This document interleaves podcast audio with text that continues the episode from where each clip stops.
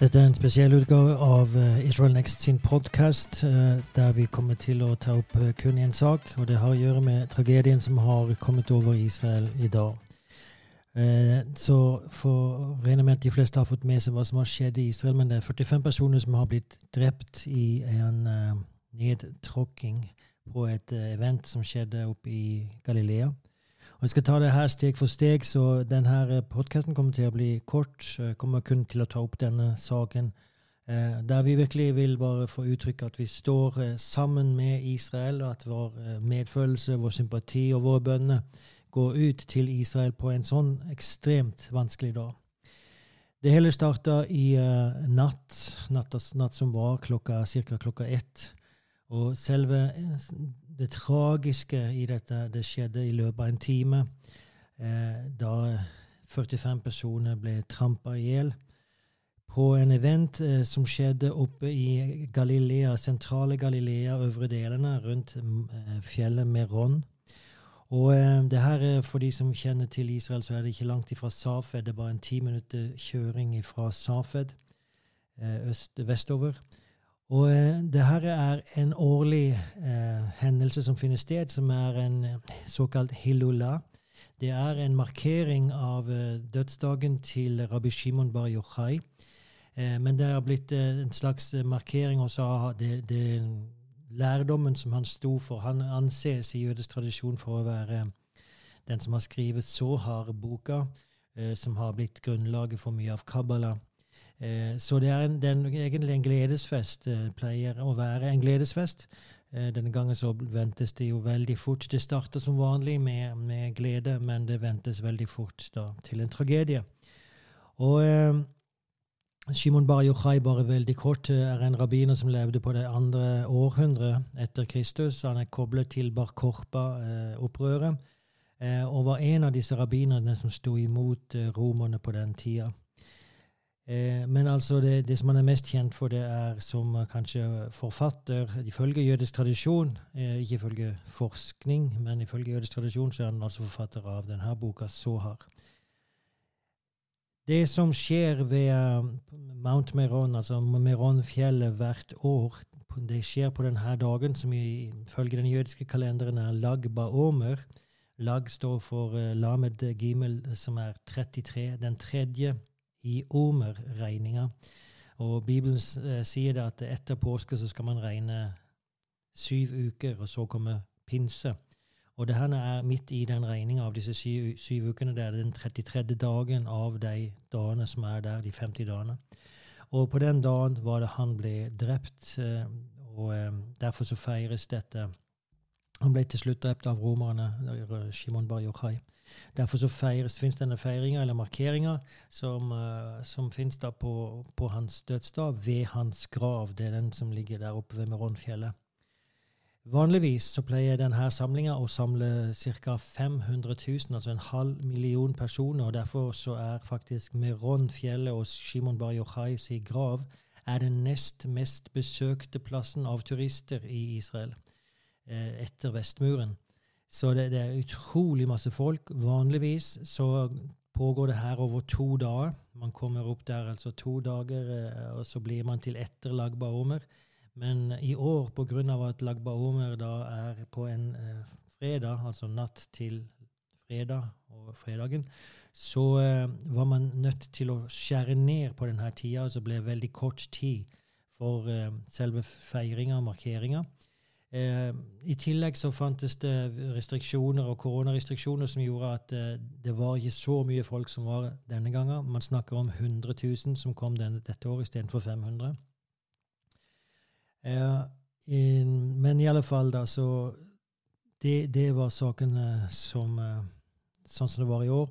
Disse 100 000 da, de kommer heller ikke alle på en gang. Eh, det er en slags markering som pågår i løpet av natta for det man gjør det er at man eh, setter fyr på, på bål, eh, sånn som man gjør her på Sankthans, store bål. Eh, og så Det bålet da er til minne om det her lyset som kom fra Rabbi Shimon Bar Yochai, det lyset som han brakte fra Toran osv. Så, videre. så har den boka som han sies å ha skrevet, er også kommer fra ordet å skinne. Så det, alt det her kobler vi sammen.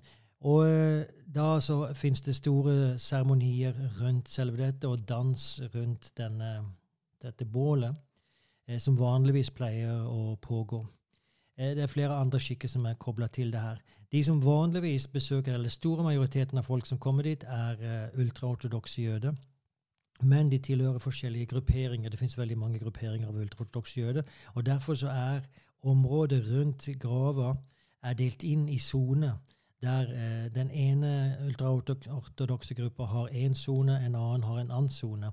Eh, derfor Når det kommer fram i media at det kanskje er 10 000 som var tillatt på et visst område, så, så, er det ikke snakk om hele fjellet totalt, det er snakk om ulike soner som det her er delt opp i.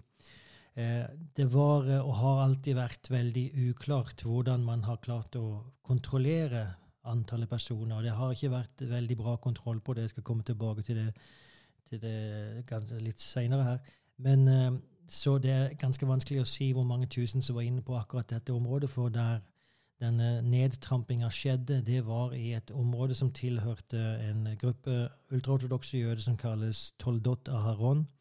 Det er en av de mest um, isolerte gruppene i Mea Shearim, altså den ultraortodokse delen i Jerusalem.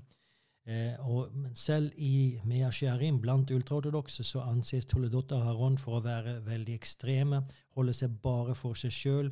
Eh, de er eh, faktisk antisionistiske. De vil egentlig ikke ha noe med staten Israel å gjøre. De har ingen moderne utvikling, altså TV eller telefon, sånne ting holder de seg langt vekk ifra. Eh, når man blir medlem, eller man fødes jo som regel inn i denne her, men man skriver da en kontrakt ved et visst tilfelle der man lover å følge rabbinernes, eh, deres egne rabbineres eh, reguleringer. Så det er en veldig strikt sekt, eh, veldig konservativ, eh, og holder seg veldig mye for seg sjøl. Men akkurat det her med Shimon Bar Yochai, da de, sender de masse folk opp til Meronfjellet. Det største utfordringa vanligvis eh, i gjennomføring av det Hilula, som det kalles der oppe, det er trafikken til og fra. Eh, og Der har politiet satt inn veldig store styrker året tidligere år. Men så klart også på, plass, på plassen sjøl for å se til at alt går smidig for seg. Eh, det som skjedde denne gangen, da, det var altså at i feiringa til Toledot Aharon, når rabbineren, altså den som er den ledende rabbineren i denne gruppa, tenner på ilden, så, så begynner feiringa. Og eh, i det at eh, man skal forlate plassen, så eh, har det blitt bygd, bygd provisoriske tribuner av metall og gangveier som leder til dette. Og det er når man skal gå ned disse gangveiene, en helning, så er det noen som sklir eh, blir liggende. Folk kommer over de, detter over de, blir liggende, og så blir det da et sånt resultat, for det trykket bakfra bare fortsetter. Eh, det som eh, Tallene per, per, nå som jeg har fått, i alle fall, det er at det er 45 døde. Ikke alle er eh, identifisert, og da mener man re, altså skikkelig identifisert på, på en forskningsmessig måte. Er, eh, alle er nok identifisert eh, ved gjenkjenning fra familiemedlemmer eh, på den måten, men man tar ikke det for gitt. Man vil se til at ingen blir feilidentifisert. Så man gjør også forensic undersøkelser, altså sånn her ja, undersøkelse for å sjekke at det er DNA, det er tannstilling, det er, så at man virkelig vet at dette er den personen som man begraver. Og Dette har eh, ledet til litt problemer med denne her Toledotta Haron, som er som sagt veldig konservativ og skal egentlig begrave sine døde samme dag. Uh, nå har de fleste ikke fått kunne gjøre det, fordi at så langt så er det bare ja, mellom 14 og 20 personer som har blitt sikkert identifisert. Og ikke alle de av de rakk å bli begravd før sabbaten kom. Så nå blir de ikke begravd før uh, seint på lørdag kveld mot søndag. For uh, under sabbaten så kommer heller ikke folk til å jobbe med å identifisere de, for det anses også som et brudd på jødisk lov av denne sekta. Men uh, i det at uh, dette skjedde, da, så så var det jo veldig mange familier som ble spredt og kom fra hverandre. Noen klarte å komme seg ut av det her nedtrampinga, andre ble liggende igjen. De som kom seg ut, måtte bare komme seg videre, for det som skjedde, var at politiet da evakuerte hele fjellet. Disse 100 000 cirka, som var der, ble da evakuert. I løpet av en time så var det bare 10 000 igjen. Så den, den delen av, av, jobben gikk veldig fort og, og smidig når man først skulle evakuere de her. Men det betyr at mange familier kom fra hverandre i kaoset som oppsto, og fremdeles så er det mange som går og leter etter familiemedlemmer eh, og frykter det verste. Eh, det, det også som skjedde, var at eh, redningsstyrke, politi og, og vakter som var på området, de gjorde en utrolig jobb i å minimere antallet døde med å risikere faktisk sine egne liv for å gå inn og dra ut eh, folk som, som lå i eh, nedtrampa. Så en stor virkelig innsats som ble gjort av disse styrkene. Det som også skjedde, var at i rundt, området rundt Meronfjellet så er det masse småbyer. En del av de er arabiske. Noen er drusiske. Noen er kristne arabere, og så finnes det jødiske. Og alle fra alle disse byene så, så, meldte man seg frivillig for å hjelpe til, hjelpe til med å transportere folk vekk fra fjellet, hjelpe til med hva som helst, stille sine hjem åpne, eh, sørge for vann, mat og drikke osv. Så, videre. så Så det, den uh, utgivende og sjenerøsiteten som fant sted der, var helt, uh, helt utrolig. Det har også ellers rundt i Israel så har man um, gått til sykehus og sånne stasjoner for å gi blod. For det ble oppgitt at uh, man behøver blod på sykehusene for å hjelpe alle skader. Uh, 150-200 som, som, er skada. Noen av de er veldig sterkt skada. Så uh, um, Israel har virkelig, virkelig mobilisert for å hjelpe i denne krisa. Det har jo allerede begynt å, å, snakke om ansvar og ansvarsfordeling, og hvem som, som har skylda for dette. Eh, og det der er ingen lett sak å få eh, en oversikt over. Eh, politisjefen for området har gått ut og tatt fullt ansvar og sier det er meg som er ansvarlig for det her. Og jeg kommer til å så klart samarbeide med alle etterforskninger som blir igangsatt for, for å klargjøre hva som har skjedd det, det, det her hadde det blitt snakka om på radio flere dager i forvei og flere uker i forvei om hvordan det skal gjennomføres. og Sånn er det hvert år, at det, det er store sikkerhetstiltak som iverksettes. Eh, litt eh, spesielt i år pga. korona, pga. at bare vaksinerte kunne komme. Nå er jo veldig mange vaksinerte i Israel, så, så den, den begrensninga var ikke kjempestor. Men i tillegg til det så er det også sånn at eh, mange kommer uansett, selv om man ikke har tillatelse, fordi at denne den her skikken religiøse skikken og, og, som kobler til å feire Hilolada ved, ved Simon Bar Yochais grav, den, den, er så sterk, denne skikken. Og, og, det man får ut av det her, er så veldig mye på, fra et religiøst perspektiv at mange kommer og bryr seg ikke om eh, politiet sine ordre. Og kommer da bakveier fra Det her er jo en åpent område på veldig mange måter, så man kan komme veldig mange veier til Meron. Så, men uansett så er politisjefen har gått ut og sier at han tar ansvar, men uh, det er faktisk en ganske mye mer komplisert situasjon for uh, i årevis, siden 2008 i alle fall, 2008-2011, så kom uh, det som på engelsk kalles state controller, og Jeg husker ikke hva det heter på norsk akkurat nå. Men statskontrollør, altså den som sjekker at regjering og stat gjør rett for seg. Eh, han eh, har advart mot denne feiringa der oppe og sagt her er det noe som kommer til å skje, for dette, dette kan ikke fortsette. Det fins ingen som har ytterste ansvaret. Og eh, faktum er at eh, ansvarsfordelinga er veldig uklar i hva som skjer der oppe. Politiet har faktisk ikke full myndighet til å si til forskjellige grupperinger at nå kan ikke dere komme hit, nå stenger vi av her.